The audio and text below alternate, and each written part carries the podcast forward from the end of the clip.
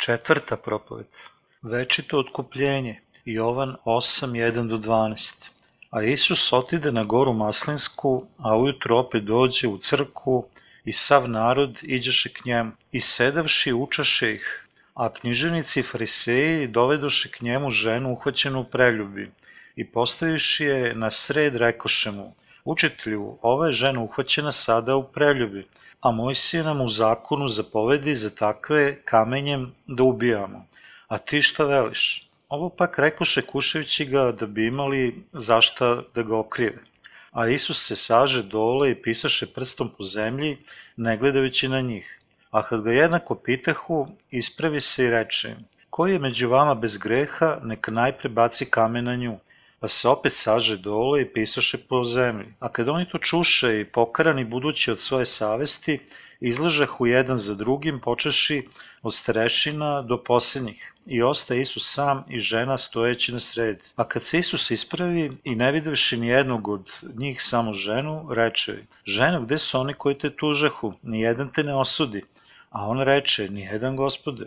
A Isus joj reče, ni ja te ne idi i od sela više ne greši. Isus im pak e, opet reče, ja sam videla ovom svetu koji ide za mnom neće hoditi po tami, nego će imati videlo života. Isus nam je dao večno izbavljenje. Ne postoji niko na ovom svetu ko ne bi mogao da se spasi ako veruje u Isusa kao njegovog, njenog spasioca. On nas je sve otkupio ako postoji grešnik koji je očajava zbog svojih greha, To je zato što osoba ne shvata kako je Isus oslobodio njega, nju od svih grehova svojim krštenjem i raspećem. Svi bi trebalo da znamo i verujemo u tajnu spasenja. Isus je preuzao sve naše grehe sa svojim krštenjem i bio je rođen radi presude za sve naše grehove i umro na krstu.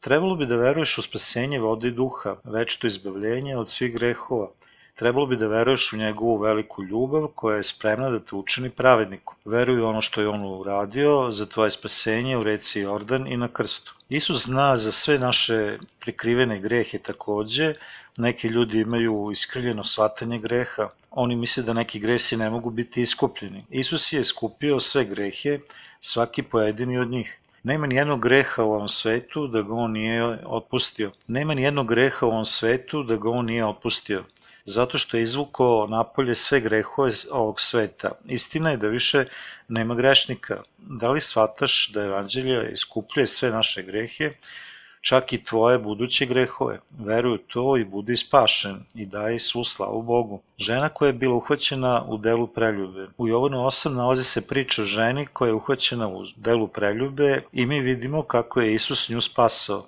Mi smo hteli da imamo udela u toj milosti koju je ona primila. Nije previše ko kažemo da sva ljudska bića čine preljubu u nekoj tački svog života. Svaka osoba pojedinačno čini preljubu. Ako ne misliš tako, to je samo stoga što mi činimo to spontano u našim mislima, da ne primetimo zašto mi e, živimo sa mnogo preljube u našim životima. Pogledajmo ženu u Jovanu 8. Uporedo s njom da li ili ne ovde ima osoba među nama koja nije počinila preljubu. Ovde nema ni jednog koji nije počinio preljubu, baš kao žena koja je uhvaćena u preljubi. Svako od nas će čini, ali mi nastojimo da je ne činimo. Da li misliš da ja nisam u pravu? Ne, u pravu sam. Pomno zavirite u svoje srce. Svako koga sretnete na zemlji, čini to. Preljuba se čini požudnim gledanjem na ulici, u svojim mislima i delima. Bilo kad i bilo gde. Oni samo ne shvataju da to čine. Mnogi koji to ne shvataju sve do svoje smrti, kad su nebrojano puta počeli preljubu u svom životu. To nisu samo oni koji behu uhvaćeni, nego svi mi, neuhvaćeni. Svi ljudi to čine u svojim mislima i delima. Nije li to deo našeg življenja? Smete li ti ovo, to je istina. Mi to jednostavno prikrivamo jer nam je neugodno. Verujem da ljudi danas stalno čine preljubu, ali to ne primećuju. Ljudi čine preljubu u svojim dušama takođe. Mi koji smo stvoreni od Boga, živimo na ovom svetu, nikad ne shvatajući da mi takođe činimo duhovnu preljubu. Obožavanje drugih bogova je isto kao i činiti delo duhovne preljube, zato što je gospod jedini gazda za čitavo čovečanstvo. Žena koja je uhvaćena u delu bila je ljudsko biće, baš kao ostali od nas, i ona je primila milost od Boga, baš kao i mi koji smo izbavljeni. Ali licimeni fariseji stavili su je između njih i uprili svoj prst u nju kao da su oni sudije spremne da je kamenuju. Nameravali su da je optuže i osude kao da su oni čisti i da nikad nisu počinili preljub. Dragi moji hrišćani, svi koji su svesni svojih velikih grehova, ne optužuju druge pred Bogom. Takvi radije, budući da znaju da čita svoj život čine preljubu, prihvataju milost Božju koja nas je sve spasila. Samo oni koji sebe prepoznaju kao velike grešnike, koji žive u preljubi dostojni su da prime spasenje pred Bogom. Ko prima Božju milost? Da li oni koji žive čisto bez da čine preljube, primaju njegovu milost ili njegovu milost primaju nedostojni? Nedostojna osoba je ta koja prima puninu milosti svog izbavljenja. To su i oni koji sebi ne mogu pomoći, slabi i bespomoćni. Takvi primaju njegovu milost. Oni koji misle da su bez greha ne mogu biti izbavljeni. Koliko oni primaju milost njegovog izbavljenja kada nema ničeg da se izbavi? Knjiženici i fariseji dovukli su ženu uhvaćenu u preljubi pred Isusa i postavili je u sredinu pitaši ga,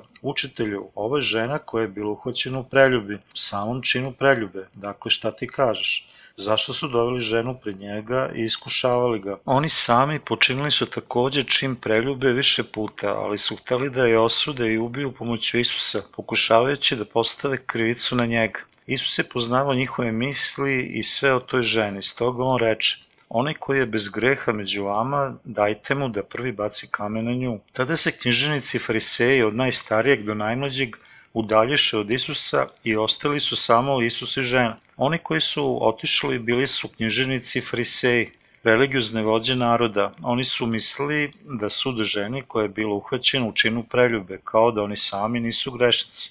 Isus je donao svoju ljubav u ovaj svet, on je vlasnik ljubavi Isus je dao ljudima hranu, vaskrso iz smrti, dao život nazad udovičinom sinu, uskrsnuo Lazara iz Betanije, izlečio leprozne i činio čudesa za siromašne. On je preuzeo sav greh od grešnika sa sobom i dao im je spasenje. Isus nas voli, on je svemoćan jedan koji može da učini bilo šta, ali farseji i knjiženici u njemu su videli svog neprijatelja, zato su oni doveli ženu pred njega i testirali ga. Oni pitaju, učitelju, Mojsije u zakonu nama zapoveda da bi tako trebalo kamenovati, ali šta ti kažeš?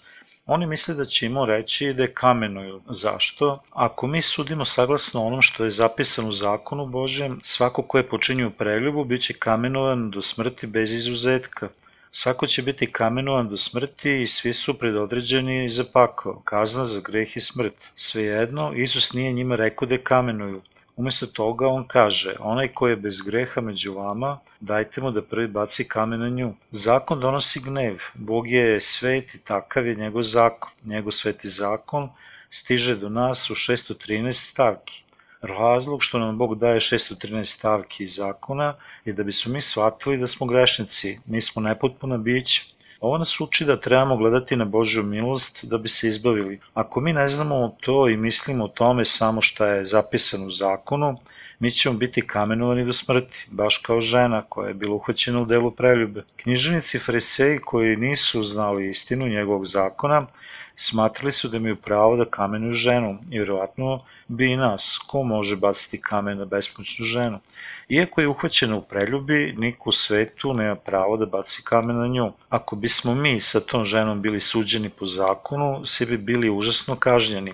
Ali Isus nas je spasao, nas koji smo grešnici, od naših greha i od pravedne presude, sa svim našim gresima. Ako se zakon Boži primeni strikno popisanom, koji među nama može da ostane u životu? Svaki pojedinac među nama bi završio u paklu, ali knjiženici i fariseji znali su zakon samo kako je on bio zapisan. Ako bi njegov zakon bio primenjen tačno, to bi ubilo njih, baš kao što su i oni sudili iz njega. Činjenično, zakon Bože je bio dat čoveku da bi shvatio svoju grešnost, ali oni su ispaštali jer nisu razumeli i nisu ga primenjivali. Fariseji današnjice, baš kao fariseji u Bibliji, samo znaju zakon kako je napisan. Oni bi trebalo da shvate milost, pravednost i istinu Božiju. Oni bi trebalo da se nauče evanđelju izbavljenja da bi se spasili. Fariseji kažu, zakon nam zapovedi da takve treba kamenovati, Ali šta ti kažeš? Oni pitaju sa pouzdanjem držeći svoje kamenje. Oni misle za sigurno da Isus ne bi imao šta da kaže u vezi s tim. Oni su čekali da Isus uzme njihov mamac. Ako bi Isus sudio saglasno sa zakonom, oni bi takođe bili kamenovani od njega. Njihova namera je bila da ih kamenuju oboje i ženu Isusa. Ako bi Isus rekao da ne kamenuju ženu, oni bi rekli da Isus ismejava zakon Boži i njega bi kamenovali za bogohulu. To je bila strašna zavera. Ali Isus je mirovao dole i pisao je po zemlji sa svojim prstom i oni su nastavili da njemu upućuju pitanje.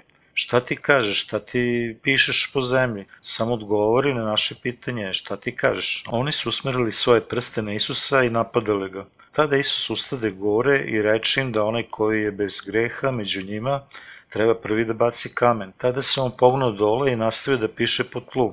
Oni koji to čuše, osvedočeni svojom savešću, odoše jedan za drugim, počeo od najstarije pa sve do najmlađe osobe. Isus je bio ostavljen sam sa ženom koja je stala u njegovom prisustvu. Isus mi je rekao, onaj koji je bez greha među vama, dajte mu da prvi baci kamen na nju i nastavio da piše po tlu. Nekoliko starih počelo je odlaziti, stari fariseji koji su počinili više grehova, Otišli su prvi, mlađi su otišli za njima. Hajde da pretpostavimo da Isus stoji među nama i da onaj koji je bio među nama treba da baci kamen prvi. Šta ćete uraditi? Šta je Isus pisao po tlu? Bog koji nas je stvorio zapisuje naše grehe na dva različita mesta.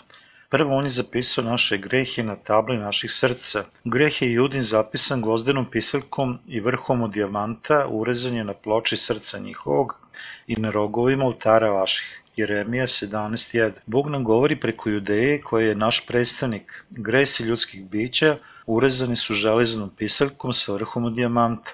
Zapisane su na pločici naših srca. Isus se sagnao dole i pisao po tlu da su svi ljudi grešnici. Bog zna da mi grešimo i On urezuje naše grehe na pločicu naših srca. Prvo On zapisuje naša dela, grehe koje počinismo, jer se ne možemo opravdati zakonom. Obzirom da su naši gresi upisani u naša srca, mi se prepoznajemo kao grešnici kad god pogledamo u zakon. Zbog upisanih grehova u naše srca, u našu savest, isto tako da znamo da smo i u njegovim očima grešnici. Biblija nam kaže da su naši gresi zapisani u knjigu dela kod Boga, otkrivenje 20.12. Naše imena i svi gresi su u toj knjizi, kao i na pločici naših srca. Naši su gresi dva puta zapisani u knjigu dela i na pločici naših srca. Gresi su podjednako zapisani na pločicu kod starih i mladih. Zbog toga oni nisu mogli ništa reći o svom grehu pred Isusom. Svi koji su nameravali da kamenuju ženu, ostali su besmoćni pred njegovim rečima – Međutim, kada ti prihvatiš njegovo spasenje, svi tvoji gresi u knjizi i u delima bit će izbrisani i tvoje ime će se naći u knjizi života. Oni čija se mene pojavljaju u knjizi života ići će u nebo. Njihova dobra dela, sve što su učinili za svog života, za kraljevstvo Božije i njegovu pravednost takođe je upisan u knjigu života i kao takvi prihvaćeni su na nebu. Svi koji su izbavljeni od greha, ulaze u zemlju večnosti. Zapamti da su svi gresi bilo koje osobe zapisani na dva mesta. Stoga niko ne može da obmane Boga. Ovde nema nikoga da nije zgrešio ili počinio preljubu u njegovom ili njenom srcu. Svi ljudi su grešnici i nesavršeni. Oni koji ne prihvataju izbavljenje Isusovo u svojim srcima ne mogu drugo osim da se muče svojim grehom. Oni nemaju pozdanja, oni se plaše Boga i drugih zbog svog greha ali u trenutku kada prihvataju evanđelje izbavljenja vodom i duhom, brišu se svi njihovi gresi upisani na pločice njihovih srca iz knjige o delima. Izbavljeni su od sveg svog greha. Na nebu je knjiga života, imena onih koji veruju u izbavljenje vodom i duhom su zapisani u knjizi, stoga će oni otići u nebesa. Oni ulaze u nebesa ne zato što nisu zgrešili u ovom svetu, već zato što su oni bili oslobođeni od svih svojih grehova verom u izbavljenje vodom i duhom. To je zakon vere, Rimljanima 3.27. Dragi moji hrišćani i knjiženici fariseji su bili grešnici, baš kao žena koja je bila uhvaćena u samom činu preljube. Činjenično oni su učinili više greha zato što su obmanuli sebe i druge ljude, verujući da oni nisu grešnici. Religiozne vođe su bili razbojnici sa odobrenjem, oni su bili kradljivci duša, drugim rečima razbojnici života. Oni su smelo podučavali ostale autoritativno podjednako kao što ni oni sami nisu još bili izbavljeni. Ovde nema ni jednog koji je bez greha saglasno zakonu, ali osoba može postati pravednik ne zato što on, ona nisu učinili greh, već zato što on, ona su izbavljeni od svih grehova. Takva osoba je zapisana u knjizi života. Najvažnije je da li je nečije ime upisano u knjigu života ili ne. Kako ljudi nisu mogli živeti sveg svog života bez greha, oni su morali biti izbavljeni za uvek da bi mogli biti upisani u knjigu. Da li ćeš ti ući u nebo, zavisi da li veruješ u istinsko evanđelje ili ne. Da li ili ne primaš milost Božiju, zavisno od tvog prihvatanja Isusovog spasenja. Šta se dešava sa ženom koja je uhvaćena? Ona se bacila dole na svoja kolena i zatvorila svoje oči jer je znala da je došla da umre. Ona verovatno je plakala u strahu i kajala se. Ljudi postaju iskreni prema sebi kada susretnu smrt. O Bože, zaslužio sam da umrem, molim te primi moju dušu u tvoje ruke i imaj milosti prema meni. Molim te imaj milosti prema meni, Isuse. Ona je molila Isusa za ljubav i izbavljenja. Bože, ako mi ti sudiš, ja ću biti osuđena i ako ti kaže da sam bez greha, tada će moji gresi biti izbrisani. Na tebi da odlučiš. Moguće da je ona rekla sve to. Ona se možda ispovedila da bi sve prešlo na Isusa.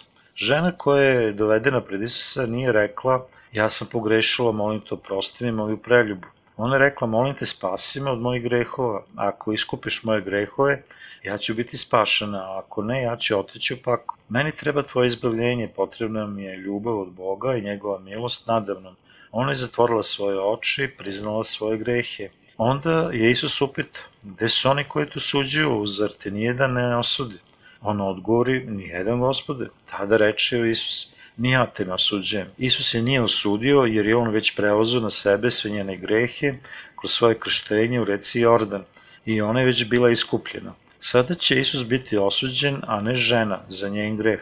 On reče, ja te ne osuđujem. Ova žena je bila blagoslovljena sa spasenjem Isusovim. Ona je bila iskupljena od svih njenih grehova. Naš gospod Isus nam je rekao da je On isplatio sve naše grehe i da su mi pravednici. On je to rekao u Bibliji, on je umro na krstu da plati naš greh. On je preuzeo greh svojim krštenjem u reci Jordanu. Jasno nam je rekao da je on iskupio sve koji veruju u izbavljenje po krštenju i osudu na krstu. Svima nam je potrebna zapisana reč Isusova i trebamo se držati reči.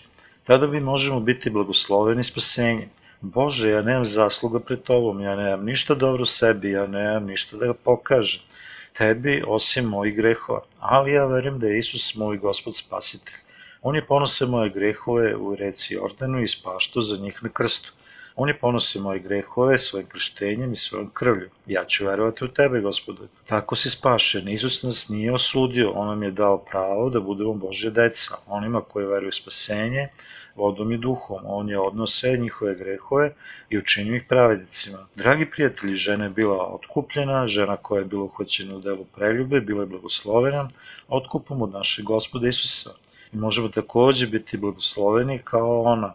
Svako ko zna on, ona svoje grehe i traži od Boga da ima milosti prema njemu njoj i svako ko veruje spasenje vode i duha u Isusu prima blagoslov spasenja od Boga. Oni koji priznaju svoje grehe pred Bogom mogu biti spašeni, ali oni koji ne shvataju svoju sobstvenu grešnost ne mogu biti blagosloveni sa spasenjem. Isus je ponao grehe sveta, Jovan 1.29. Svaki grešnik u svetu može biti iskupljen ako on, ona veruje u Isusa.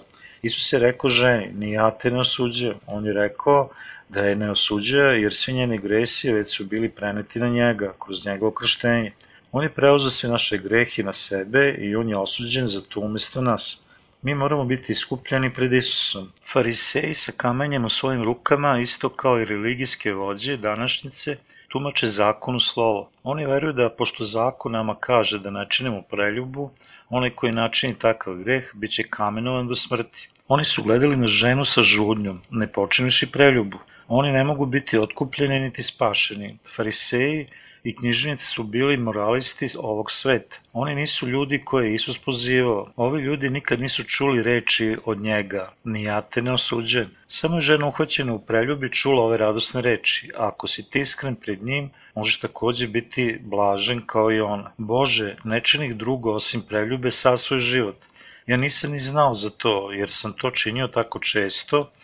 Ja sam činio greh nekoliko puta svaki dan kada mi prihvatimo zakon i činjenicu da mi jesmo grešnici koji moraju umreti i iskreno se obratimo Bogu, rečima Bože, ovo je ono što jesam, molim te spasi me, Bog će nas blagosloviti svoje izboljenje. Ljubav Isusova, evanđelje vode i duha pobedili su nad osudom Božjom, ni ja te ne osuđujem. On nas nije osudio, on je rekao ti si otkupljen. Naš gospod Isus Hristos je bio saučesnik, on nas je oslobodio od svih naših svetskih grehova. Naš Bog je Bog pravde i Bog ljubavi. Ta ljubav vode i duha je čak i veća od njegove osude. Njegova ljubav je veća od njegove pravednosti. Da je Bog nekim slučajem svojom osudom dovršio svoju pravdu, on bi sudio sve grešnike i poslao ih u pako. Ali zbog ljubavi u Isusu koja je veća, spasu nas je od presude. Bog je poslao svog jedinog sina Isusa. Isus je preuzeo sve naše grehe na sebe, samoga i primio pravednu osobu za sve nas. Sada svako ko veruje u Isusa kao svog spasioca, postaje njegove dete i pravednik, jer njegova ljubav je veća od njegove pravde.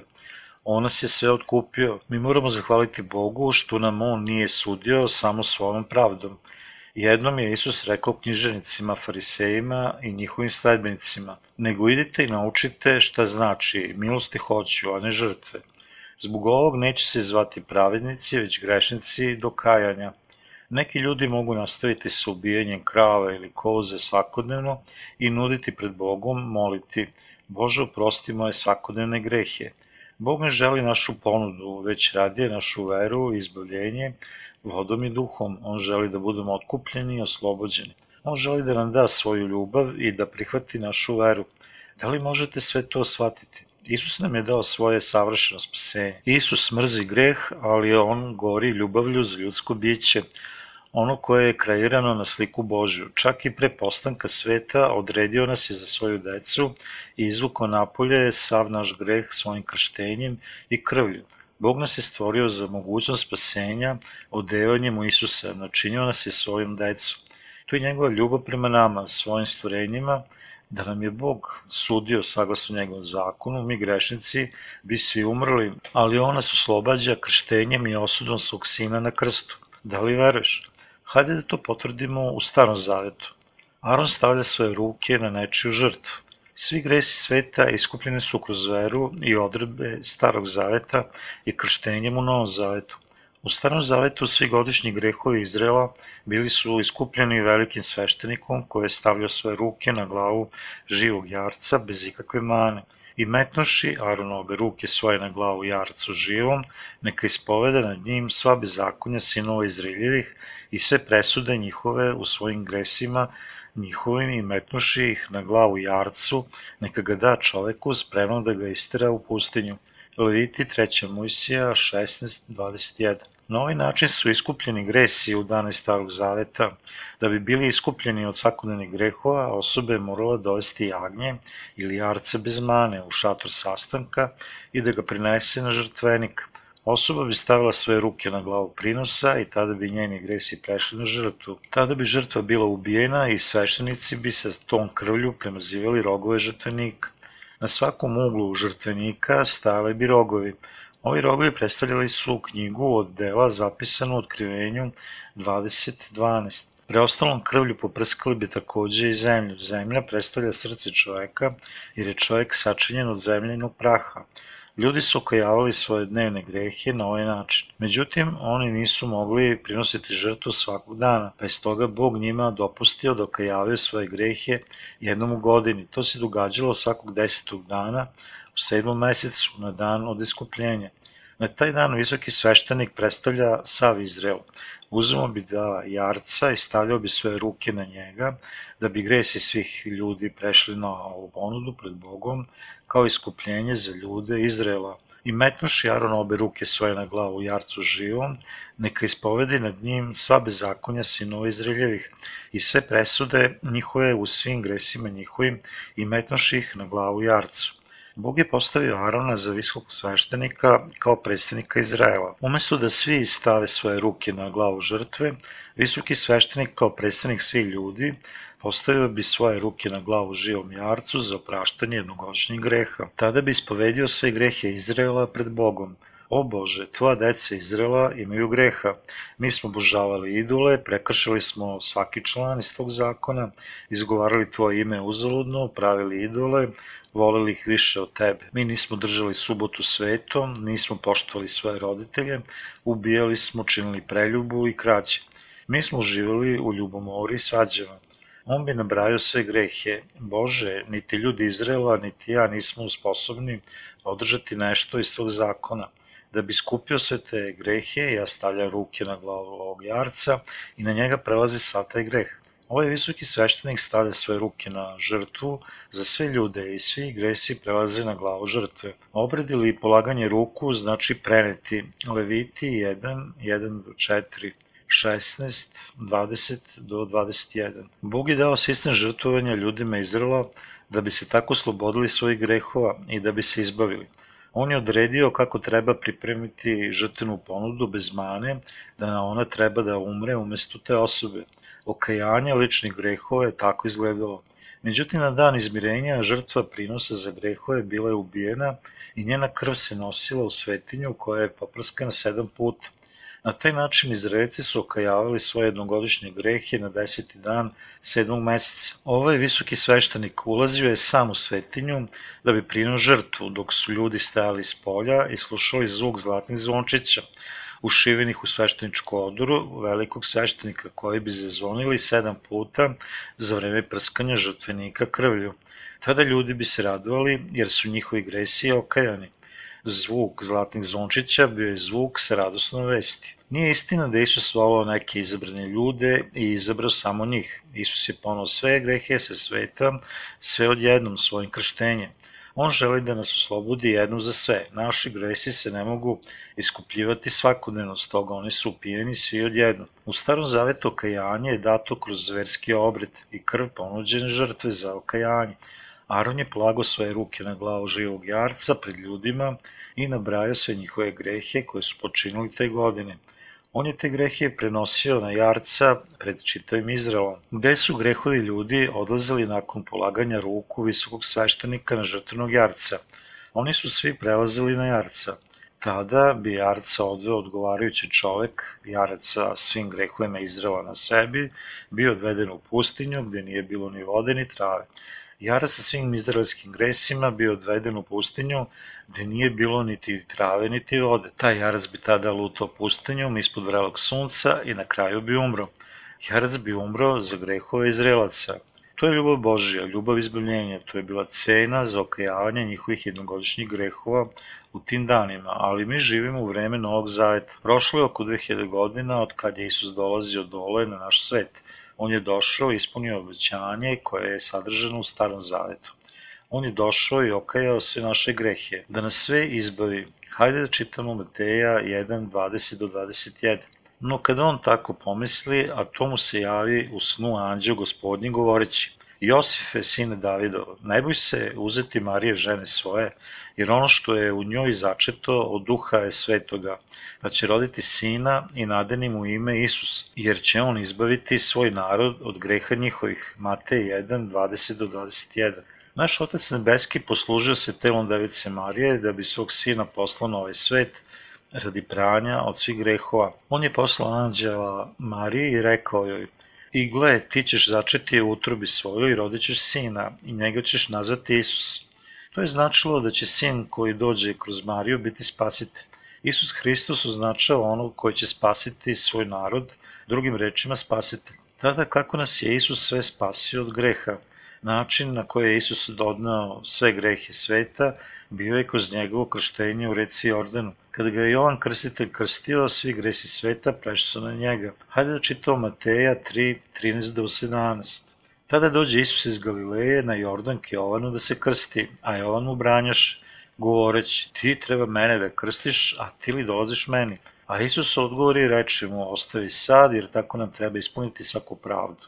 Tada Jovan ostavi ga i krstiši se, Isus izađe odmah iz vode i gle, otvoriše mu se nebesa i vide duha Božije gde silazi kao golub i dođe na njega. I gle glas neba koji govori, ovo je sin moj ljubazni koji je po mojoj volji. Isus je otišao kod Jovana krstitelja da bi nas sve iskupio od grehova.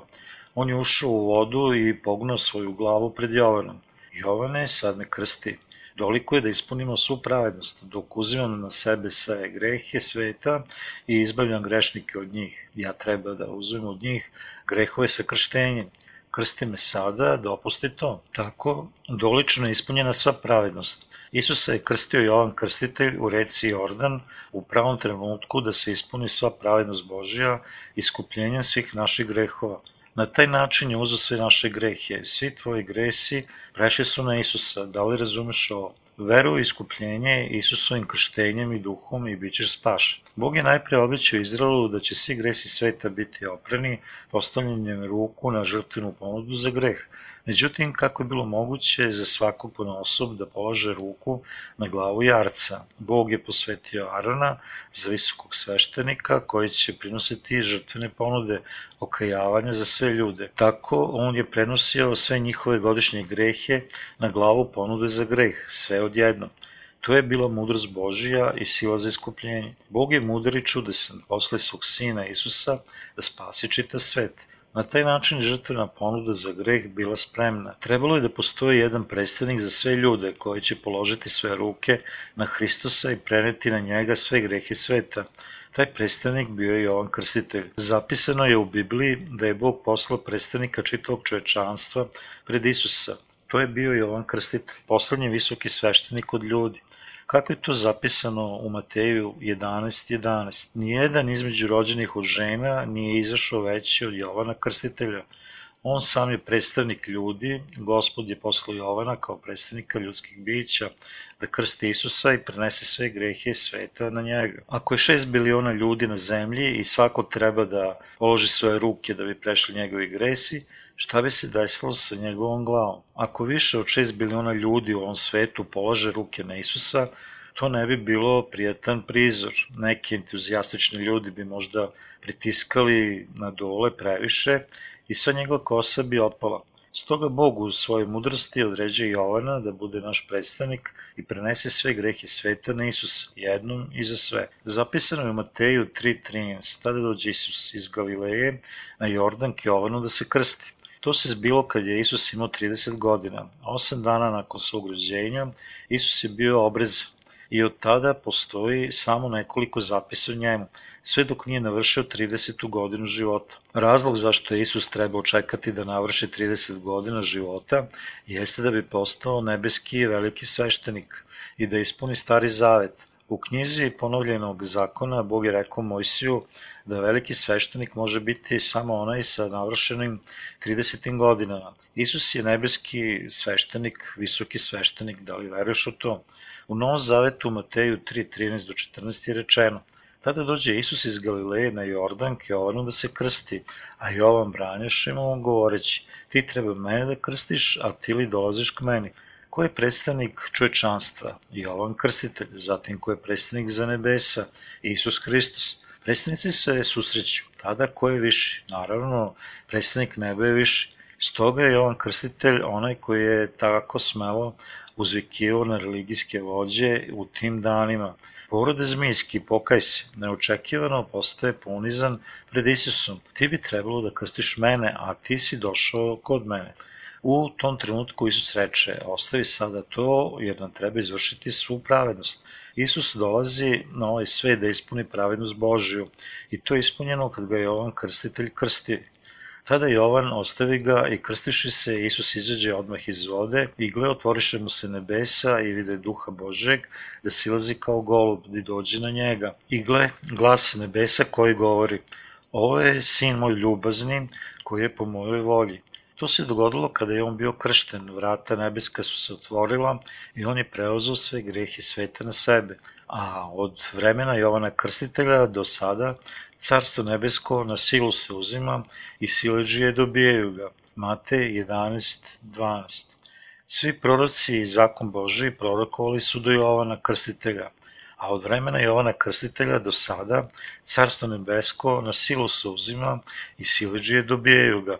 Svako ko veruje u njegovo krštenje može ući u carstvo nebesko bez izuzetaka.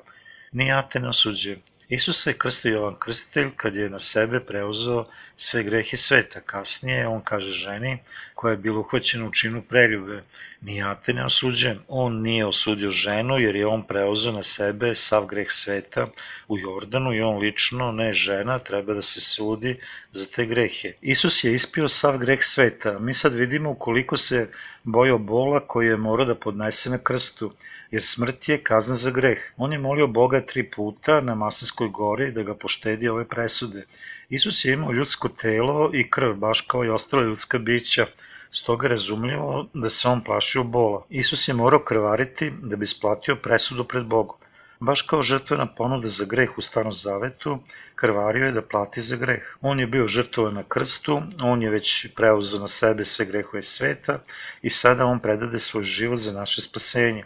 On je znao da će biti osuđen pred Bogom. Isus nije imao nikakvog greha u svom srcu, ali kako je sav greh bio prešao na njega kroz njegovo krštenje, Bog je sada osudio svog sobstvenog sina. Stoga na prvom mestu pravednost Božja bila je ispunjena i kao drugo, on je prenuo svoju ljubav na nas radi našeg spasenja. Zato Isus je bio osuđen na krstu. Ni ja te ne osuđujem, niti ti neću suditi. Svi naši grehovi, svesni ili nesvesni, znani ili neznani, bili su osuđeni od Boga. Međutim, Bog nije nama sudio, Bog je presudio Isusu, koji je uzo sav naš greh na sebe pomoću svog krštenja. Bog nije želao da osudi grešnike zbog svoje ljubavi i svoje milosti. Krštenje i krv na krstu bili su njegova spasonosna ljubav za nas, jer Bogu tako omile svet da je i sina svog jedinorodnog dao, da nijedan koji ga veruje ne pogine, nego da ima život večni. Jovan 3.16. Po ovome mi znamo za njegovu ljubav. Isus nije osudio ženu koja je uhvaćena u činu preljube. Ona je znala da je bila grešnica jer je bila uhvaćena u samom činu preljube. Ona nije imala greh e, ispolja samo u svom srcu, već takođe u telu. Nije bilo načina da se ona odupre svom grehu, ali pošto je verovala da Isus odnao sve njene grehove, bila je spašena. Ako mi verujemo u Isusovo izbavljenje, mi ćemo biti spašeni. Verujte u to, to je za naše lično dobro. Svi ljudi greše, svi ljudi čine preljubu, ali svi ljudi nisu osuđeni za svoje grehe. Mi smo se izgrešili, ali onaj koji veruje izbavljenje Isusa Hrista je bez greha u svom srcu. Svaki koji veruje u Hristo izbavljenje najsrećnija je osoba. Oni koji su oslobođeni od svih svojih grehova su najblagosloveniji. Drugim rečima, oni su sada pravednici u Isusu. Bog nam govori o sreći u Rimljanima 4.7. Blago onima koji su oprostiše bez zakonja i kojima se gresi prikriše. Mi svi grešimo od trenutka smrti, mi smo bezakonici i nepotpuni pred Bogom. Mi nastavljamo sa grehom i nakon upoznavanja njegovog zakona. Mi smo tako slabi ali Bog nas je slobodio svojim krštenjem i krvlju svog sina jedinca i rekao nam ti i ja nismo više grešnici i da smo mi sada pravednici pred njim. On nam je rekao da smo mi njegova deca. Evanđelje vode duha, evanđelje večnog izbavljenja. Da li ti veruješ u to? Oni koji veruju, on zove pravednicima, iskupljenima i svojom decom. Ko je najsrećnija osoba u ovom svetu? Onaj koji veruje i koji je bio oslobođen verom u istinsko evanđelje. Da li si oslobođen? Da li je Isus pogrešio što je uzeo tvoj greh? Ne, on je uzeo sve tvoje grehove svojim krštenjem. Veruj u to. Veruj i spasit ćeš se od svih svojih grehova. Hajde da čitamo u Jovan 1.29. Upravo kao kad se očisti metla. A sutradan vide Jovan Isusa gde ide k njemu i reče Gle Jarnje Bože koje uze na sve grehe sveta. Jovan 1.29 Gle jagnje Božije koje uze na se grehe sveta. Jovan Krstitelj je prenao sav greh sveta na Isusa u Jordanu. Sledećeg dana on se osvedočio da je Isus jagnje Božije koje je ponelo sve grehe sveta. On je ponao na svoje ramena sve grehe sveta. Svi gresi na svetu predstavljaju sve grehe koje su ljudi napravili od postanka sveta do danas. Oko 2000 godina ranije Isus je preuzeo sav greh sa sveta i izbavio nas, kao jagnje Božije. On je ponao sve naše grehe i bio je osuđen zbog nas. Svaki greh koji smo mi, ljudska bića, počinili, bio je prešao na Isusa. On je postao jagnje Božije koji odnosi sve grehove sa sveta. Isus je došao na ovaj svet kao ponizan čovek, kao onaj koji će spasti sve grešnike sveta. Mi činimo greh jer smo slabi, zli, neuki i zato smo mi lucidni i nepotpuni. Drugim rečima, mi grešimo jer smo nasledili greh od naših predaka, Adama. Svi ovi gresi su očišćeni i postavljeni na glavu Isusovu kroz njegovo krštenje u Jordanu. On završava pri tome smrću svog tela na krstu. On je bio sahranjen, ali Bog je njega vaskrsu iz mrtvih u treći dan. Kao spasitelj za sve grešnike, kao pobednik, kao sudija, on sad sedi s deset strana od Boga. On nas neće otkupljivati iznova i iznova. Svi mi koji verujemo u njega bit ćemo spašeni. Beskonačan život čeka one koji veruju i uništenje čeka one koji ne veruju. Nema drugog izbora. Isus te oslobodio potpuno, ti si najsrećniji čovjek na zemlji. Ti ćeš sigurno činiti greh u buduće zbog tvoje slabosti, ali on je preuzeo sve te grehe takođe. Da li je preostao greh u tvom srcu? Ne. Da li je Isus uzeo sve? Da, on je to učinio. Svi su ljudi jednaki, nijedan nije svetiji od njega, nje bližnjeg, ali kako su mnogi ljudi licimeri, oni ne veruju da nisu grešnici, kad ono u stvari oni su takođe grešnici. Ovaj svet je staklena bašta za uzgajanje greha. Kada žena izađe van svoje kuće, ona stavlja crven ruž, udariše lice, uvija svoju kosu, oblači lepu odeću i nosi visoke popetice. Muškarac takođe ide kod berberina da sredi frizuru, okopa se, oblači čistu košulju i najmoderniju kravatu iz glanca svoje cipele. Ali oni možda izgledaju kao prinčevi i princeze s polja, ali su potpuno prljavi iznutra. Da li novac čini čoveka srećnim? Da li zdravlje čini čoveka srećnim? Ne, samo večno iskupljenje, oproštaje od svih grehova čini čoveka istinski srećnim. Nije važno koliko srećna osoba izgleda s polja. Osoba je očajna ako on, ona imaju greh u njenom, njegovom srcu. Takva osoba živi u strahu od osude. Izbavljena osoba je jaka kao lav. Iako je u ritama, nema greha u njegovom njenom srcu, Hvala tebi, gospode, ti si spasio grešnike poput mene, ti si ispunio sve moje grehove. Ja znam da sam nedostojan primanja tvoje ljubavi, ali ja te molim da me spasiš. Ja sam beskonačno otkupljen od svih mojih grehova. Slava pripada Bogu. Osoba koja je blagoslovljena sa njegovom milošću, izbavljenja je istinski srećna. Zato je Isus jagnje Božje koje uze na sve grehe sveta. Uzo da ponese sve naše grehove. Mi smo bez grehova, On je zbog nas završio na krstu. Svi naši gresi, uključujući tvoje i moje, uključeni su u grehe sveta.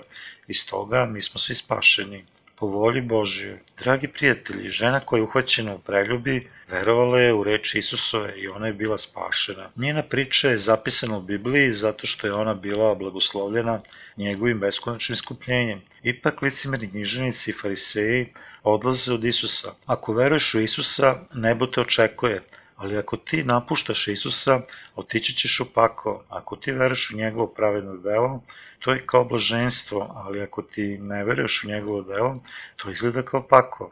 Izbavljenje nije zasluga neke individue, već je spasenje Isusovo. Hajde da čitamo Jevrejima 10. Jer zakon imajući sen dobara koji će doći, a ne samo obliče stvari, ne može nikad savršiti one koji pristupaju svake godine i prinose one iste žrtve. Inače bi se prestale prinositi kad oni koji služe ne bi više imali nikakve savesti za grehe, kad se jednom očiste, nego se njima svake godine čini spomen za greh, jer krv juničija i jaričija ne može uzeti grehe, Zato, ulazeći u svet, govori, žrtava i darova nisi hteo, ali si mi telo pripravio.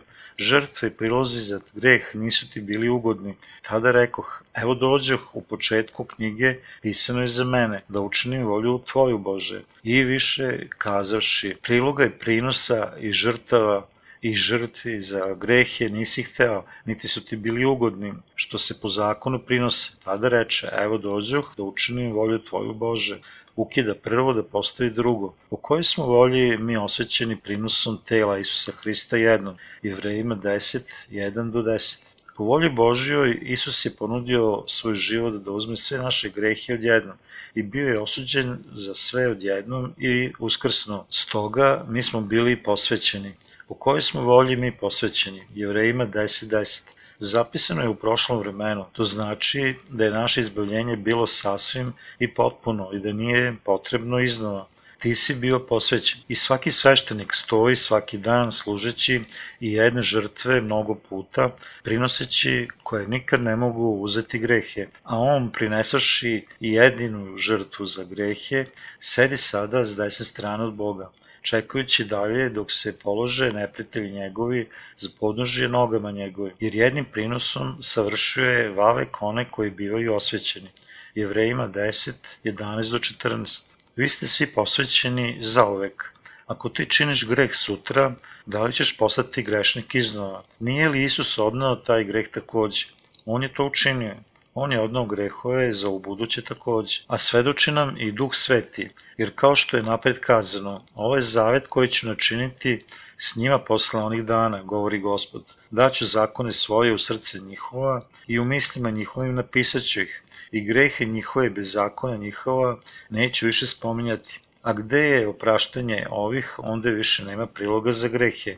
Jevrejima 10, 15 do 18. Izraz gde je oproštenje ovih znači da je on uklonio sve grehe sa sveta. Isus je naš spasitelj, moj spasitelj i tvoj spasitelj. Vera u Isusa nas je spasila. To je izbavljenje Isusovo i najveća milost i nju je Bog pokazao. Ti i ja iskupljeni smo od svih grehova, blagosloveni smo više od svih.